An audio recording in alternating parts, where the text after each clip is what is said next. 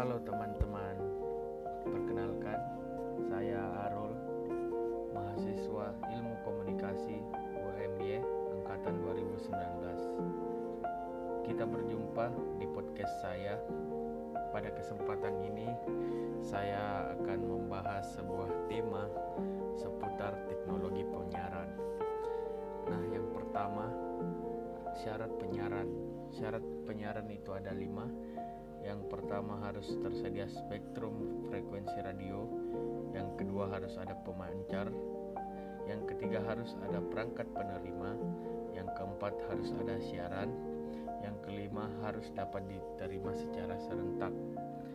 Nah, spektrum frekuensi radio adalah kumpulan pita frekuensi radio yang berbentuk gelombang elektromagnetik serta memiliki lebar tertentu. Nah, apa sih gelombang elektromagnetik itu? Gelombang elektromagnetik adalah gelombang yang dapat membawa pesan berupa sinyal gambar dan suara yang memiliki sifat dapat mengarungi udara dalam kecepatan yang sangat tinggi sehingga dapat memancarkan siaran ke mana saja. Nah, selanjutnya ada peman sarana pemancaran. Sarana pemancaran terdiri dari yang pertama mikrofon yang mampu mengubah bunyi menjadi sinyal listrik. Yang kedua adalah rangkaian pemancar yang dapat mengubah sinyal listrik menjadi gelombang elektromagnetik.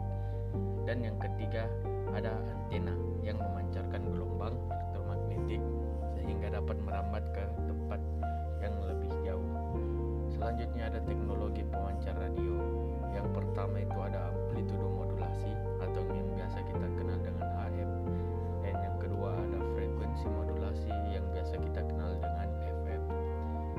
Selanjutnya ada pemancar televisi yang terdiri dari pemancar suara dan pemancar gambar.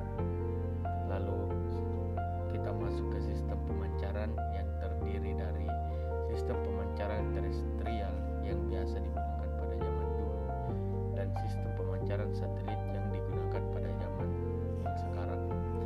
Nah, alur penyiaran ini yang pertama itu proses syuting.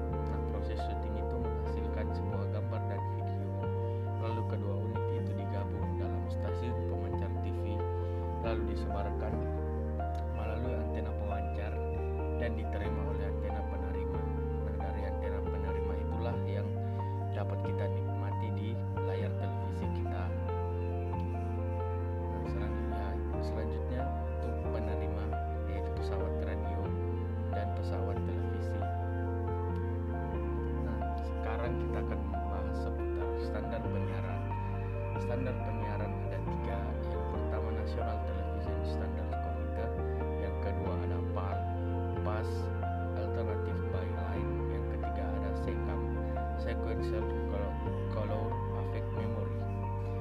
NTSC biasa digunakan di Amerika Serikat, Kanada, Jepang, Korea, dan Meksiko.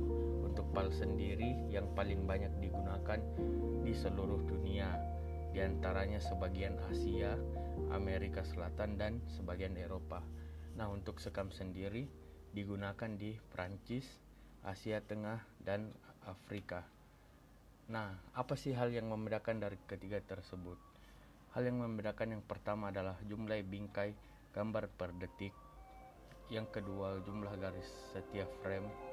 Yang ketiga, jumlah frekuensi yang digunakan. Nah, perbedaan FPS per second dari ketiga tersebut adalah PAL dan SECAM memiliki 25 FPS dan NTSC memiliki 30 FPS di mana semakin besar FPS-nya maka kecepatan dan kualitas gambar juga semakin bagus. Nah, yang terakhir ada perbedaan field. Fields adalah horizontal line in frame. Untuk NTSC sendiri memiliki 525, untuk PAL memiliki 625 dan SECAM memiliki 825. Nah, mungkin itu saja sharing seputar teknologi penyiaran pada kesempatan kali ini. Sampai ketemu di episode selanjutnya.